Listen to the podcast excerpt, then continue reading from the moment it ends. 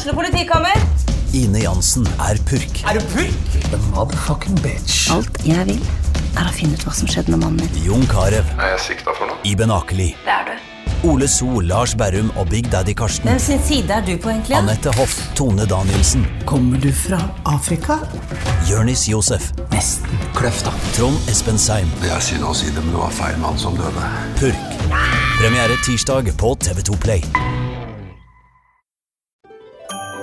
Dyrisk desember med podkasten Villmarksliv.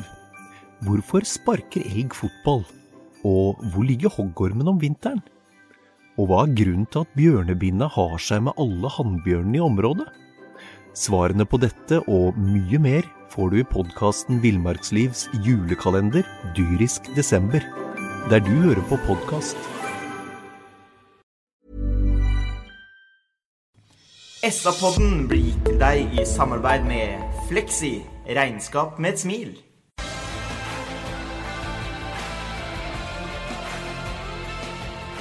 Sarpsborg Arbeiderblad presenterer SA-podden med Patrik Walter Larsen og Petter Kalnes. Da er vi tilbake med en ny utgave av SA-podden. I studio så sitter som vanlig Bjørn Inge Bingen Nilsen. Hei, hei. Petter Kalnes. God dag, god dag. Øystein Weberg. Hei, hei. Jeg heter eh, Patrik Walter Larsen. Siden sist vi var samla gutter, så har det blitt spilt eh, to kamper nede på Sarpsborg stadion.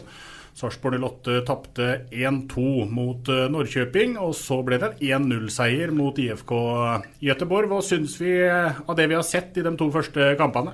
Nei, Jeg syns i hvert fall at det har vært en fin start på sesongen.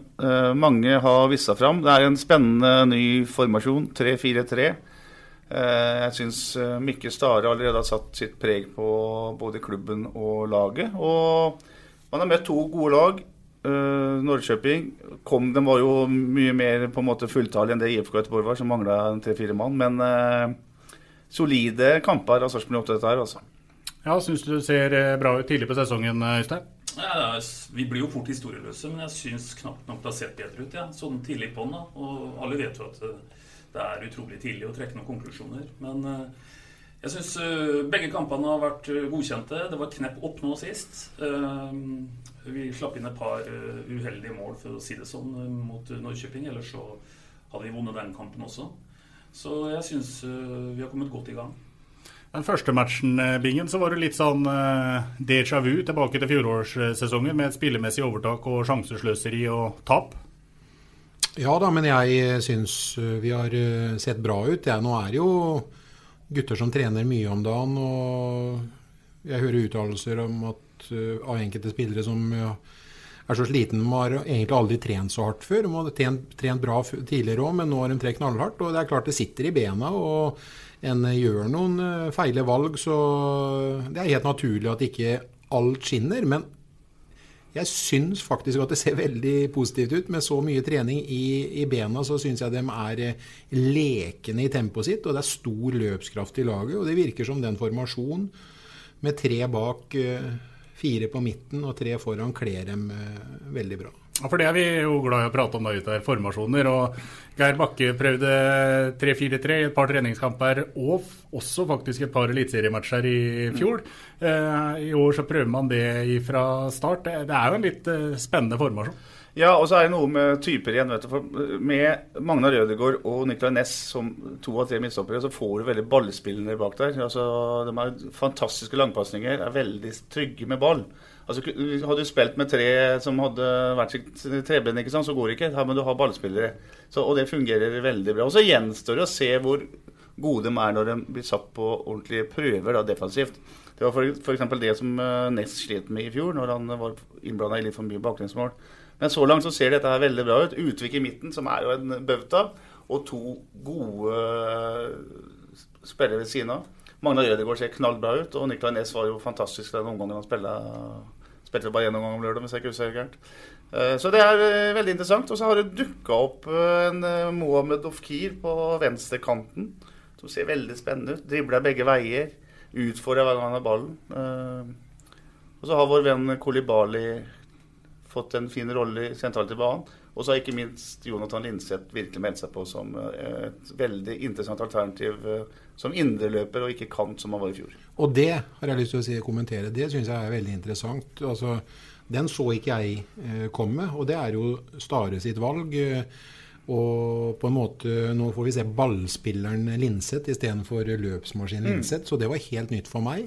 Ja, han hadde noen feilpasninger i første omgang, men uh, overall altså, så fremsto han som vår mest, beste mann i, i, i mine øyne. Hadde Nicolay Næss spilt eh, to omganger, så jeg syns han var helt sjef i første omgang. Da glitra det ikke så mye av Linseth, men uh, Linseth har virkelig tatt den Ja, over to kamper så er Linseth den beste årets spiller så langt. Ja, hvis det går an å si noe sånt nå. Ja, og nå blir vi jo uh, kanskje kjedelig enige her, men uh, det er ikke noe tvil om at uh, For å ta det siste først, som Bingen er inne på.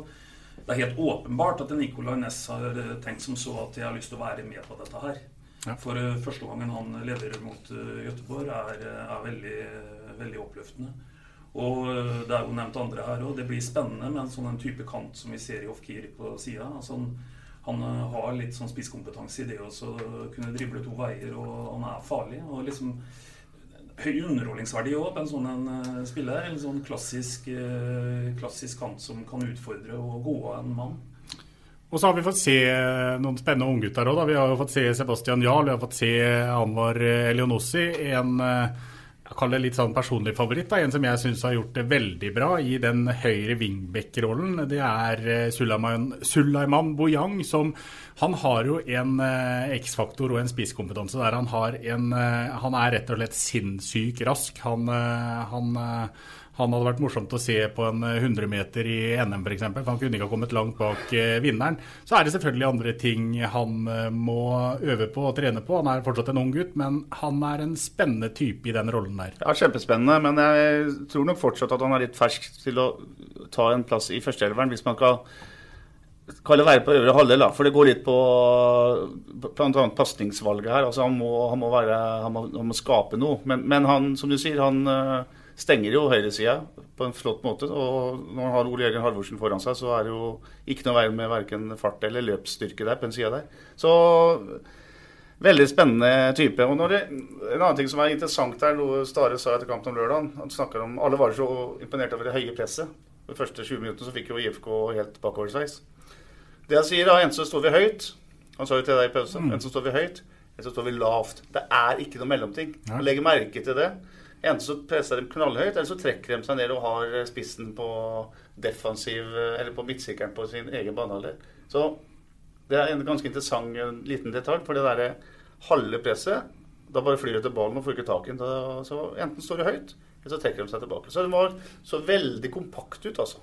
Så må jeg bare si det at det er jo det er jo ønskesituasjon òg, for et lag som står så høyt som Sarpsborg gjorde de første ti minuttene mot Gøteborg, når de møter et lag som uansett hva som skjer, skal spille seg ut. Vi prata jo om det i pausa i den matchen. Det blir jo seende litt rart ut. Han keeperen der til IFK, han var vel heldigbingen som eh, slapp unna der et par ganger.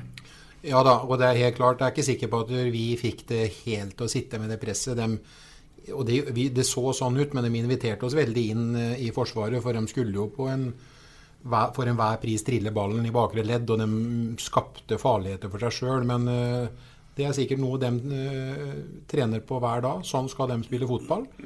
Og det ble litt lettere for oss å holde det høye presset, for de fikk en del stygge balltap i, på sin egen 25 meter. Og Det er interessant det du trekker opp der, Patrick. Eh, For å ha en sånn generell tilnærming til det, så syns jeg at, at det er noen som eh, ja, spiller litt for naivt i forhold til akkurat det å spille seg ut bakfra. På sånn generelt grunnlag så syns jeg ofte at det er Risikoen står ikke på en måte i samsvar med det du kan, kan vinne. Gevinsten, nei. Gevinsten. Jeg syns, ofte det ikke er samsvar mellom det. Så, så som du sier, eh, på en måte takknemlig oppgave å gå ordentlig i strupen på dem, og det gjorde vi jaggu. Ja. Eh, Veldig sjelden å se at et lag presser så intensivt og høyt i 20 minutter, 20-25 minutter som vi gjorde på, på lørdag. Og så er det noen ytre forutsetninger her. Spiller man på en strålende kunstgressbane? Altså, tenk å spille sånn på en litt sånn halvbra gressbane. Da ber det virkelig om bråk, altså. Men så er det klart at dette har vært en seriekamp, så hadde sikkert eh, treneren bedt dem spille lenger for å unngå, unngå Alisa brudda. Men eh, det, det høye presset er interessant. Absolutt. Vi har vært innom noen av de nye som har kommet og som har vist seg fram, men eh, jeg vil også trekke fram Ole Jørgen Halvorsen, som ser ut til å kunne få en uh, ny uh, vår. Joakim Thomassen var tilbake på den venstre wingback-plassen, en plass som jeg tror kommer til å passe han ypperlig. Det, det, det, ser spennende ut, dette her. Og så vet vi også at det, det, er, det er fortsatt sånn at det er spillere som skal inn i det kollektivet her. Og da stiller jeg et åpent spørsmål jeg, til dere gutter og lurer på hva vil vi ha inn? Altså, Jeg tenker litt rundt det at hvis vi er enige om premisset om at, uh, at uh, vi er godt fornøyd med å leve med litt lavere puls enn vi gjorde i fjor, havne midt på tabellen Det kan jo nesten omdefineres til øvre halvdel, det hvis vi blir nummer åtte, da. Da tror ikke jeg at en skal, skal svi av voldsomt med ressurser i forhold til å forsterke det laget vi har. Men jeg sier ikke at vi ikke trenger noe inn. Eh, jeg tror vi trenger en spiss. Og vi er nok eh, litt eh, tynt besatt på, på kant. Og så er det jo veldig opp til oss vi på en måte også disponerer dette laget her. For det er klart at det, akkurat sånn som Mikke disponerer midten nå, så er vi på en måte litt, har litt luksusproblem der. Med at Linseth viser seg fram som en kandidat til å ta en plass. Og så har vi på en måte Kolibali som er brukt sentralt, og så har vi naturligvis Mate Malic. Og så har vi også etter hvert en Gaute Wetter.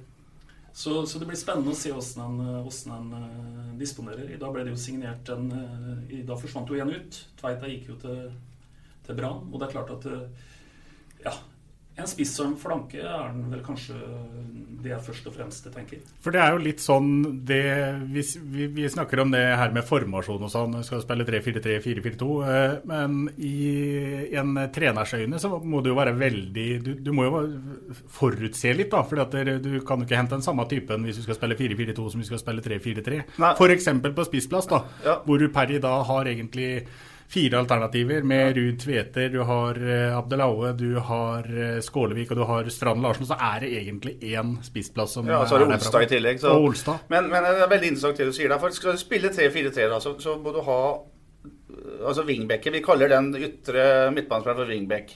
Eh, så Ole Jørgen spiller en ren wing, han spiller jo nå i angrep. Men du må ha wingbacker som flyr noe helt vilt. For det blir svære rom på sida i og med at det bare er tre bak. Og så må du også ha noen typer framme der som kan, kan, skape noe også på egen hånd. Altså de to som vi kan kalle for vinger, da. Typ han uh, Ofkir som virkelig skaper noe. Så, så, jeg tenker liksom at Jeg er enig med Øystein. En, en offensiv kant og en midtspiss tenker jeg er, er, veldig interessant. For jeg tror Ole Jørgen Halvorsen er enda bedre hvis han trekker seg litt dypere og spiller i den rolla som Bojang har spilt nå. da. Kanskje dem kan knive om en plass der. For Du må ha inn noen ordentlige driblefanter oppe på sida der. Men så kanskje han legger opp og spiller en annen formasjon. Og da trenger du litt andre typer. Så, så er, eh, foreløpig så er det litt uvisst hva, hvilken formasjon han havner på. Jeg syns det er spennende typer, jeg nå. Jeg syns uh, Boyang eh, er, er, vært en hurtig, rask, fin uh, Kaller du det wingback, Petter? I den fireren ja, på midten? Ja, jeg tror ja. gjør det. Y yt ytterst på, på midtbanen. Eh, så fikk vi se en eh, gutt fra Strømsgodset som spilte andre omgang, og hadde vel eh, desidert flest innlegg. Han hadde jo til og med medtak i mottaket. Han var jo utrolig rask og fin. Da tenker jeg på Kristoffer Lindqvist. En fin spiller som vi kanskje kan få se mer av. Han er jo ikke eventuelt signert, men han får jo trene nå mm, på andre uka. Så hadde vi en uh, Chaib uh, som uh, jeg håper ikke de har lagt i skuffen. det er en gutt som ikke det koster noe å integrere. Ikke noe kone som skal ha jobb, eller barn i barnehage eller leilighet eller noen ting. Han, han bor jo i distriktet, og det måtte jo vært fint å fått en distriktsspiller. Det skal ikke være krydderet vårt, men vi skal ha en stall som vi skal fylle opp på. Og han har jo en spennende, spennende dribleferdigheter, hva jeg så i hvert fall på trening den uka han var med i forrige uke. Og fikk vist seg fram eh, altfor litt, synes syns jeg. Han var ikke med i forrige uke, han var med uka før der. Mm. Fikk vist seg fram altfor litt i den Norrköping-kampen. Han fikk bare ni minutter, stakkar. Det syns jeg egentlig var helt feil å skal vise seg fram da. Men han har jo både skudd og ferdigheter, og så er han fra distriktet. Og vi må ikke glemme det at vi skal ha noen lokale, og det syns jeg hadde vært veldig fint om han kunne faktisk blitt signert. Og så får vi se hva krydderet blir etter hvert Men så har vi glemt keeperen, da, Patrick. Vi fikk jo en ny keeper før en uh, uke her. Glemmer aldri keeperne, vi, Bingen. Vi kommer jo dit. Vi jeg har glemt noen keepere fra SFK. Det har jeg glemt ganske fort også. vi var der og så den første treninga vi til han godeste David Mitov Nilsson-bingen. Han uh, så bra ut. Det er ikke mye du kan se ut av én trening, men han så bra ut der. Og så fikk han én omgang da mot IFK. Göteborg. Da så han mer eh, Bob Bob ut. Hadde i hvert fall én involvering hvor han var ute der og, og boksa litt uh, gærent. Men uh, hva, hva, tror vi om han? Det, det, der må jeg bare uttale meg ut ifra hva jeg egentlig har lest. Jeg og 29 år, kanskje litt, lite kamper i toppserien i Sverige til å være 29 år, men det har jo sin grunn. Han fikk jo en stygg skade og et skadeavbrekk som har kosta han i hvert fall et par år. så Eh, det er helt sikkert ikke en eh, Det er helt sikkert en keeper som er henta med fornuft, og jeg er sikker på at Stare har hatt eh, et ord inne i bildet her sånn. og Han kommer i sin beste alder nå, og det er en veldig flott opponent til Aslak Falk. Og vi får jo håpe da at keeperplassen blir forsterka i forhold til Letelier. Jeg tror det du sier der med at eh, Stare har hatt et ord med laget, tror jeg er helt riktig. Og jeg tror også han kommer til å ha et ord med laget når det kommer to offensive spillere til. Jeg tror han har kontroll på hva han vil ha. Og jeg tror det kommer eh, noen som er eh, fra 26-27 år oppover, etablerte, og som de er ganske trygge på holder nivå, og som går inn og er Om ikke førstelagsspillere hver gang, så i hvert fall en helt oppunder som hever nivå tror jeg det er ute etter nå. Ja, fordi at uh, egentlig nå så har du altså, sånn, Når det gjelder unggutter, dem som skal komme opp og utvikle seg litt til og banke på døra, dem har du egentlig i klubben. Det er mange der nå i sjiktet liksom fra 19 til 1-22 år som, som, er i nærheten. Og, og da er det som Petter sier, Øystein, at da, da, skal du egentlig dem du henter inn nå, skal egentlig være noen som skal forsterke laget. Ja, ideelt så er det det. Og så vet vi jo at det ikke bestandig er enkelt. Det er jo lett å stå her i et podkaststudio og si at det hadde vært fint med en målgarantist. De vil jo alle ha tak i. Mm. Så, men uh, ideelt sett vi har fått inn et par stykker som gikk rett inn i elveren. Uh, da da syns jeg ting her uh, har starta fryktelig bra i 2020. I løpet av de siste 14 dagene så har det skjedd mer enn at det har blitt, spilla, blitt spilt to fotballkamper. Det har vært skrevet litt om det indre livet i Sarpsborg 08 også, Petter. Og om hva som skjer i styre og stell. Ja, vi valgte å publisere en, sånn ganske lang eh, bakgrunnsartikkel om en, eh, en, problematikk som har vært litt kjent i miljøet i over tid. At det har vært noen, litt fraksjonsvirksomhet. Litt eh, si, noen som har opponert mot Cato Haug og hans sittende styre. Det valgte vi å gå ut med. Eh, og det har jo medført til at det kanskje kan skje noe mer utover. Vi vet ikke helt hva det ender med. men Grunnen til at vi valgte å gjøre det nå, var at det var eh, naturlig etter at det har skjedd en del ting etter at uh, Cato Høeg og Espen Engebretsen valgte å fratre, sa, si at de skulle fratre sine stillinger.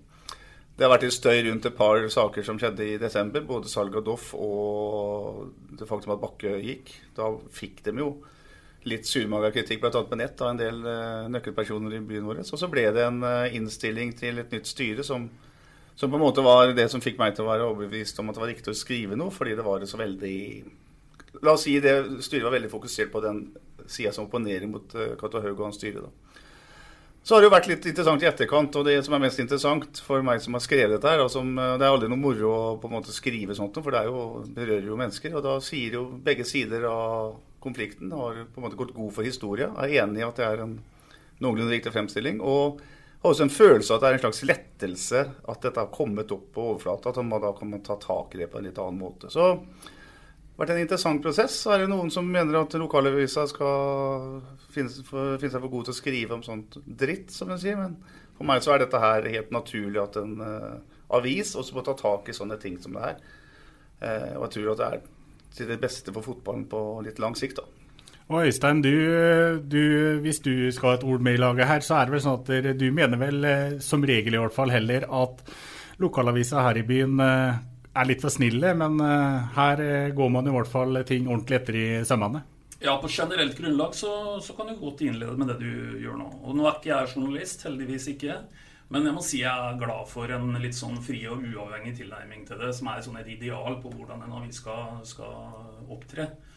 Eh, og så må vi, vi, vi, må ha forståelse for at folk har forskjellige roller.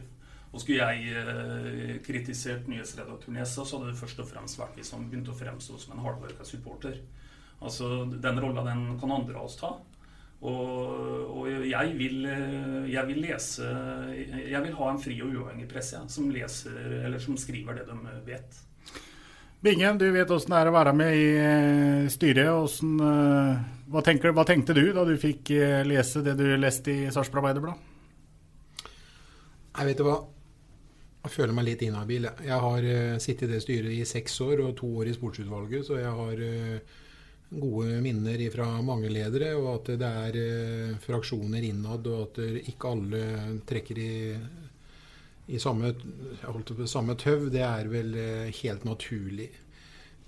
Klubben har hatt en enorm utvikling. og jeg et frivillig verv som Cato Haug har hatt på toppen av norsk fotball i så mange år, så er det vanskelig å si at ikke han har gjort eh, jobben sin.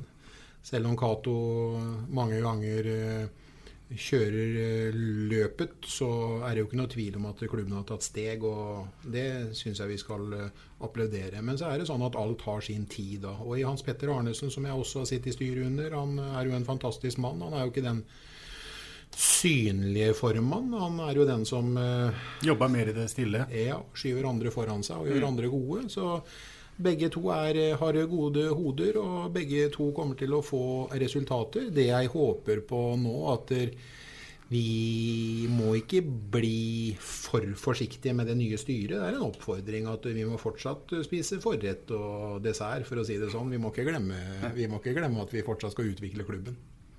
Bare understreke at Hans Petter Arnesen ikke var en del av den historien som ble skrevet om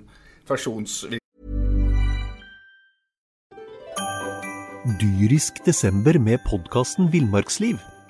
Hvorfor sparker elg fotball? Og hvor ligger hoggormen om vinteren? Og hva er grunnen til at bjørnebinna har seg med alle hannbjørnene i området? Svarene på dette og mye mer får du i podkasten Villmarkslivs julekalender dyrisk desember, der du hører på podkast. Sånn. Jeg tror Hans Petter Arnesen er en mann som går i alle leirer, og det har jeg også skrevet det òg, bare for å ha sagt det. Og så er det sånn at På generelt grunnlag da, for å snakke om det, så er fotball det er makt. altså. Fotball er viktig. Fotball, du, kan, du kan posisjonere deg vet du, i en by ved å engasjere deg i, i, en fotballklubb. Det vet vi jo mange tilfeller. Men i dette tilfellet her så tror jeg faktisk det handler om Jeg kalte det maktkamp, men det handler vel så mye om at alle vil det beste for fotballen.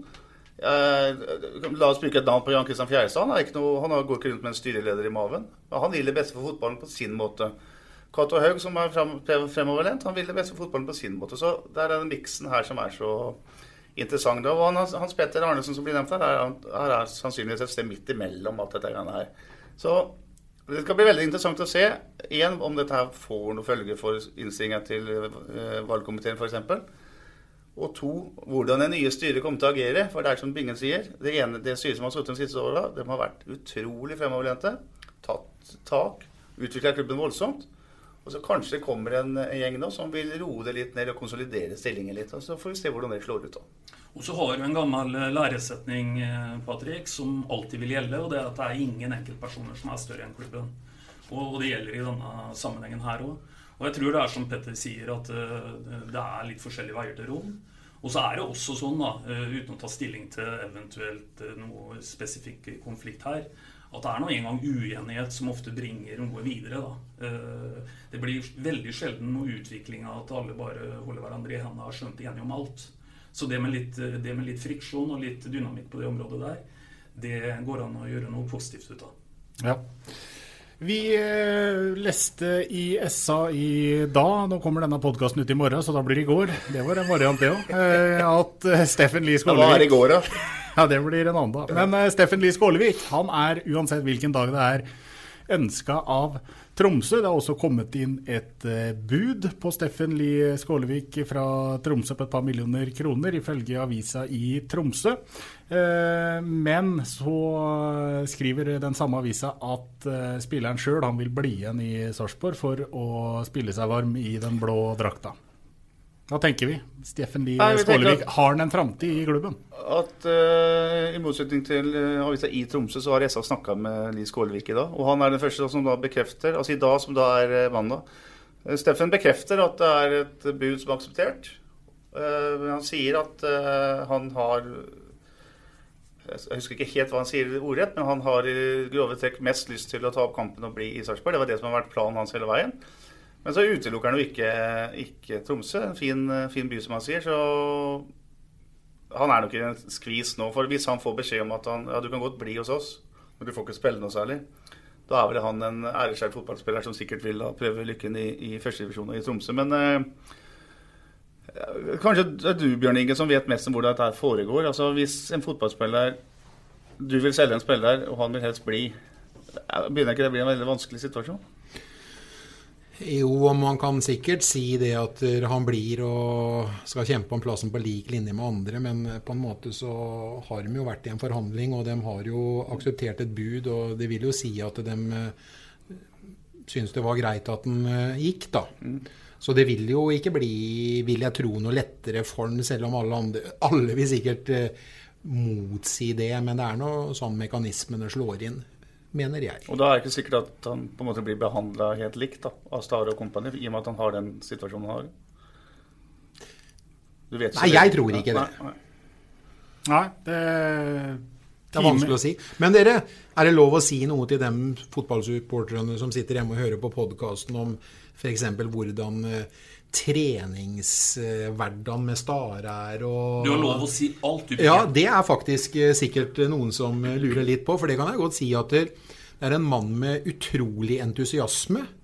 Eh, Jeg har sagt tidligere at vi kan den her perioden vi er inne i nå, når vi ikke spiller om poeng, den er jo helt ufarlig. Men den ser jo noen tendenser allikevel. Det er noen eh, spillsekvenser og øvelsesutvalg som ikke jeg har eh, sett på noe seniornivåtrening før. Han har eh, tatt med seg veldig mye ett-touch-spill. Nå er liksom den firkant med eh, kniv, saks og papir, den er liksom den er slutt. Det er, det er tidsfordriv og sånn artige greier. Her er det fart i øvelsene, det er bra øvelsesutvalg, og jeg syns det er litt sånn sydlandsk, og jeg er helt sikker på at der, Uten at jeg vet det, så virker det som det er en fin match mellom han Frederico, som er eh, toppspillerutvikler. Eh, og det er eh, veldig mye bra å se på trening, og det er veldig mye tempo i det som blir utført på trening. Mye spill, ni mot ni. 10 mot 10, 11 mot 11 og stor bane. Men det er også spill hvor det er ordentlig melkesyretest med 2 mot 2 og 3 mot 3. Mm. Men jeg syns det er veldig, veldig artig å observere. Og mann er definitivt et fyrverkeri på trening, og det er litt gøy. Og nå peker du egentlig på det som på mange måter er et trenerbytte på sitt beste. Du, Ja. du får inn noen nye impulser. Ja.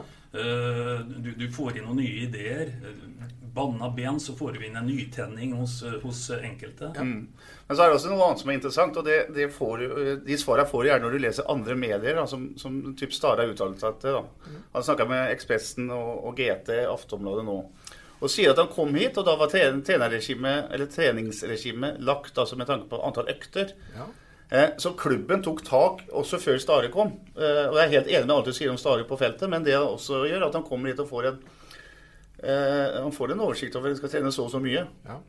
Og det blir du overraska over sjøl. Det sier han i hvert fall til svenske aviser. Ja, det og det er kjempeinteressant. Og det sa han jo her i poden nå, og du, du, du, du ble litt overraska av det, Bingen. Fordi Mikael Stare satt her sammen med Kalnes og undertegnede. Og på spørsmål om han var overraska over noe i norsk fotball, så sa han at han var overraska over treningsmengden. Hvorpå du da sier, men er det ikke han som styrer treningsmengden? Jo, det var nok lagt da i, i forkant, men han er sikkert med og pr- styrer eh, mer og mer enn nå. Han- men, han fjerner jo det i økta i Ja, selvfølgelig. Det er han ja, som bestemmer, så- Men det er jo klart at dere, Berge, Kjetil Berge har jo sin rolle oppi det. Altså, når har vi hørt at 08 har vært oppe og hatt drag i januar måned eh, på 3,5 km i lysløypa på, på et par kvelder i uka. De er og sykler om morgenene. De har gjeninnført noe, og de har utvikla noe her i forhold til treningskultur. Og det er eh, veldig positivt. Og Det er jo den delen av treninga som du snakker om, men du snakker jo også om en annen del av treninga som Ja. naturligvis da har full ja. hånda på rattet. Da vi snakker om øvelser, og vi snakker om ja. nye, en nytenning på feltet. Og der er han som styrer øvelsene, og, er, og da blir hjelpetreneren litt sånn eh, gjort til statister. Der er han som kjører løpet. Vi kan egentlig trekke en parallell til da Geir Bakke eh, tok over i 2015. Et lag som han eh, fikk eh, Eller som han arva, og som han da hadde, dro fram til en cupfinale mot Rosenborg. Der er det også stille med et eh, sånn ganske romantisk lag. Spiller med diamant med midtbane og, og greiene der. Og etterpå så bestemmer han seg for at dette holder jo ikke fysisk sett, først og fremst. Så det, han gjør en liten revolusjon fra 15 til 16. Nå tar Starre et tak videre. Eh, Så det er ganske interessant. og helt enig. Skal det komme en ny trener, så skal vi se at det skjer noe. Og det, det har vi sett her. Så er ett lite ankepunkt når det gjelder måten å spille fotball på. Eller ankepunkt, vet jeg ikke. Men de er veldig ballbesittende. Ja, utrolig mye mer ballbesittende enn det Geir Bakkes lag var. Og det, sånn som på DIF Göteborg, så går det fint eh, i første omgang og sykler til andre omgang helt til kampen dør hen pga. alle byttene og sånn. Men jeg tenker litt, liten, liten redsel er liksom mot Sandefjord på hjemmebane, da. Der Sandefjord legger seg på 40 meter fra eget mål. Og Sarpsborg 8 blir bare stående og spille ball. Men nå har vi jo sett det at det løser jo Kolibali. Ja, med å skyte mål, da. Han banker opp i hørnet, Jeg bare tenker på Ballbesittelse er fint, men vi skal være litt obs på det. At det må være gjennombrudd òg. En annen ting jeg tenker vi må være litt obs på, er eh, det som ble prata en del om i fjor. Og det, og det var jo duellstyrke, eller mangel på sådan. Eh, hvor man gikk fra en 18-sesong og skåre 15 dødballmål til en 19-sesong hvor man skåra fire, liksom. Uh, Jørgen Horn er uh, fortsatt ikke tilbake klar for spill, men han kommer til å komme inn etter hvert og ganske sikkert ta seg en plass bak i den treeren der. Men ellers er det ikke noe spesielt mye bedre duellstyrke i dette laget nå enn hva det var i fjor.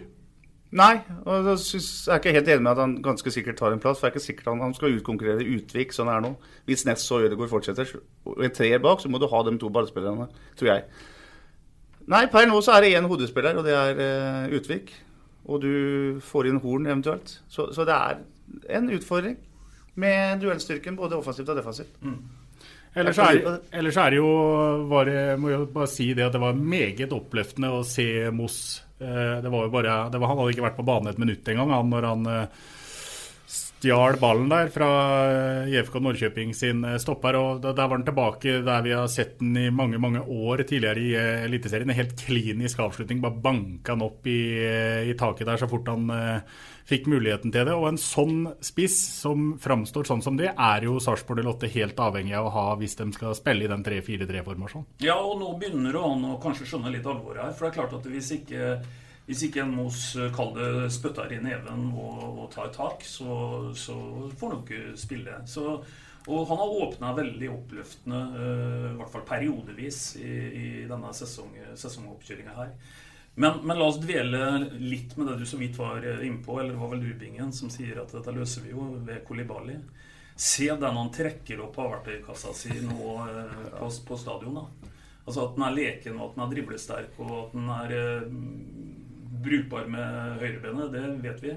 Men nå bare presenterer han venstrebenet sitt, og for eh, kanon. Ja, kjempe, kjempeskudd. Jeg må bare ta med det at i forkant der så er det Først så er det Ofkir, som eh, er en virvelvind ute på venstresida, og som får, eh, og som får eh, Han blir vel tatt og får frispark. Så tar han også dødballen sjøl, slår den bra, hardt inn på første. Og så er det liksom er det jo et ettertrykk der etter en dødball. Og da, for det er jo ikke bare skuddet til Kolibali, det er jo en skuddfinte først der, hvor eh, IFK Göteborg-spilleren nesten er oppe i eh, kiosken og kjøper seg korv i mos. Nå må jeg bare, det tenkte jeg, nå bare begynte å le litt. Når du begynte å snakke om. Ofkin, og tenkte jeg nå at det, du skulle ha den ballen til å være, eller, til å være ferdig skåra. Nei, det var det ikke. Men dit er vi jo på vei nå, for den skuddfinta der den, Og det er, må, Jeg mener da at det er den mest effektive finta i uh, fotballverden. Det er skuddfinte. kjøre skuddfinte, så er eh, forsvarsspilleren borte. Det ble han her òg. Og så er det jo som du sier, den måten han treffer på med venstrebenet her. Da må vi huske på at det er det dårlige benet til Kolibali, som han banker den opp i krysset med. Jeg messa så mye om han i fjor, så jeg måtte slutte å prate om han utover høsten. Men vi må vi, vi, må utvikle styrkene på artister. Altså. Du får sånn med artister, og du får noen stygge balltap med artister. Men ikke for guds skyld ta dem for det. Det er unge gutter. Rettled dem. Det kommer til å bli komplette spillere når de er 3-4-25 år. og kommer til å være veldig gode spillere. Vi skal jo ikke ha ferdigproduktene nå når de er Hvor gammel er uh, Kolibali? Han er vel 19, 19 år. Ja, ja, ja, ja vi, vi, vi, må skynde oss langsomt. Altså. Vi må huske på at det er mennesker med følelser og en helt annen verdensdel enn der de har vokst opp. Men han har noe. ja, og Da må du komponere et lag der han ja. passer. Og da må ja. du ha en ved siden av som er en litt annen type. ikke sant? Er, uh... Jeg må bare få lov å si det som en litt sånn kuriositet. Da, fordi at når vi satt på Sarpsborg stadion og så den matchen mot Gøteborg nå sist, så satt jo vi sammen, Øystein Bingen og meg sjøl. Og da ble jeg litt irettesatt av uh, Bjørn Inge fordi at jeg uttalte navnet til uh, vår afrikanske stjerne på midtbanen der feil. Åssen er det egentlig du uttaler navnet til Sarpsborg Lottes målskårer på lørdag? Kolibali. Okay. Da, vet, da, vet, vi det. Da, da hørte vi alle det nå. Eller så har jo jeg egentlig Du har for øvrig kalt han Conté for Kanté, Conti og Kanté. Ja. Og, og, stort sett så har du også kalt Kolibali for Kolibali. Men det er en helt annen Lindqvist på planken Dolph Lundgren. Ja, det var du som sa ja. Men Petter, du er jo glad i å leke fotballtrener. Så jeg regner, med, ja, jeg regner med at du har en eh, For vi har en litt sånn variant der vi har eh, ståa og hva som er det beste laget per dags dato. Hva mener du er Sarpsborg 08 startelver per nå? Nei, Det her er ikke veldig mye veldig kontroversielt, altså, men jeg tror at man eh, setter vår svenske venn i mål. David Mitov Nilsson. Og så en treer bak, da. I Magnar Ødegaard Bjørn Inge Utvik og Nicolay Næss er jo heller ingen eh, bombe. Og så likte jeg Joakim Thomassen på venstre og Boyang på høyre. Og så det sentrale midtbane er Kolibali Kolibali Kolibali. Og Jonathan uh, Linseth. Linseth. Og så framme Ole Jørgen Halvorsen, Mos og Ofkir. Og der er altså ikke Mate Malers på laget. Nei, det er jo en litt uh, interessant en, fordi at uh, han uh, imponerte oss i fjor og ble skada kjapt. Og alle som er glad i Sarpsborg 08, har eh, prata Mate Malets eh, opp. Eh, han har jo ikke bevist noe voldsomt nå de få minuttene han har fått.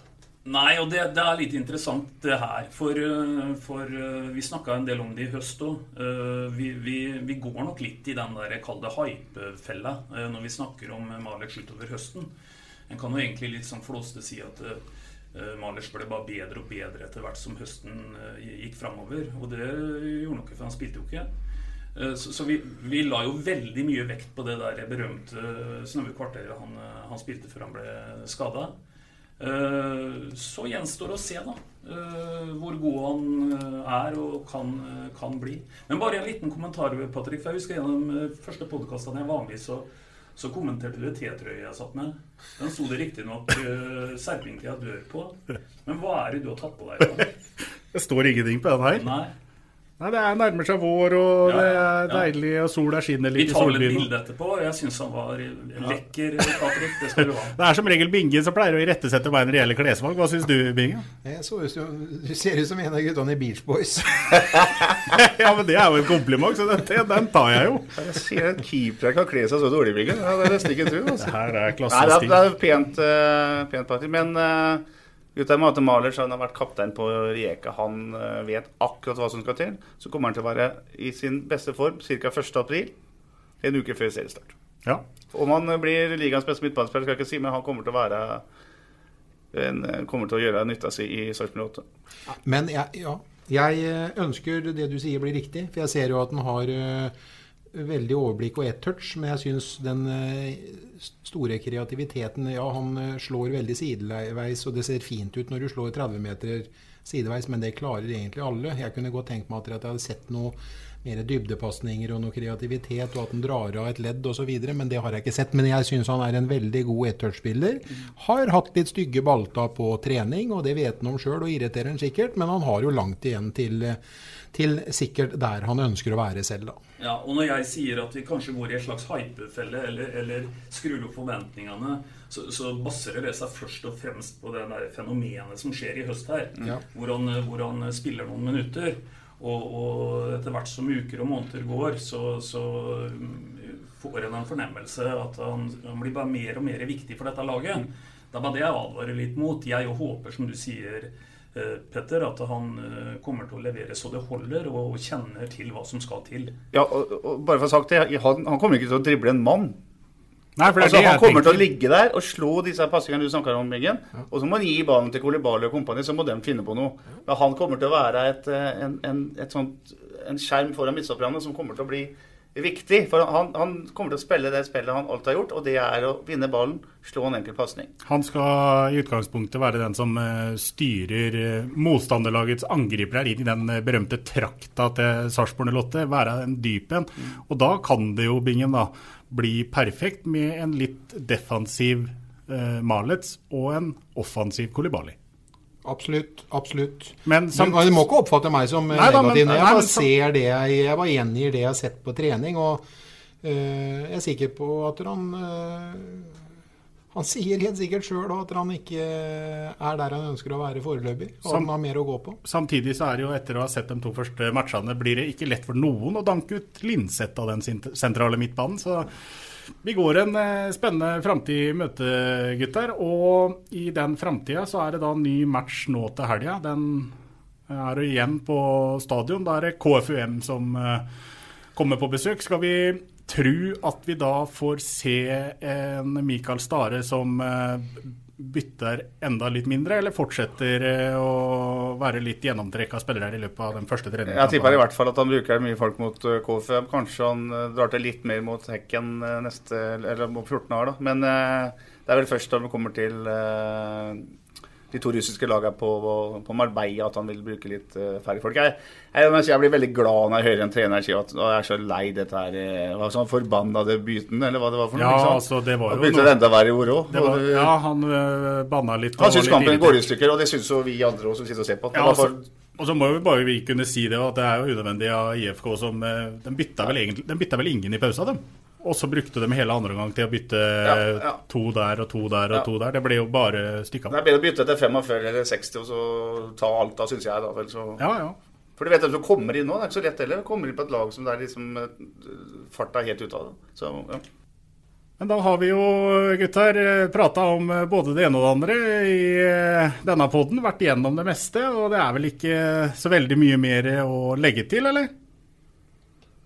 Jeg tar det som et nei. Ja, vi sender fotballkamp til lørdag nå. Vi sender fotballkamp til lørdag, så det er bare å benke seg for dem som ikke kommer eh, seg ned på stadion. Da avslutter vi som vi pleier.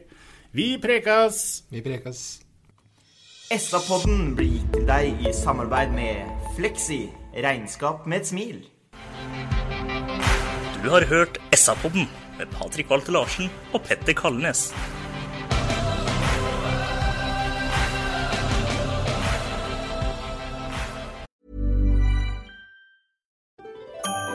Dyrisk desember med podkasten Villmarksliv. Hvorfor sparker elg fotball? Og hvor ligger hoggormen om vinteren? Og hva er grunnen til at bjørnebinna har seg med alle hannbjørnene i området? Svarene på dette og mye mer får du i podkasten Villmarkslivs julekalender dyrisk desember, der du hører på podkast.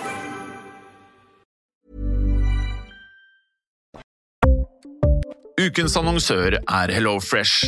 HelloFresh er verdens ledende matkasseleverandør og kan være redningen i en travel hverdag.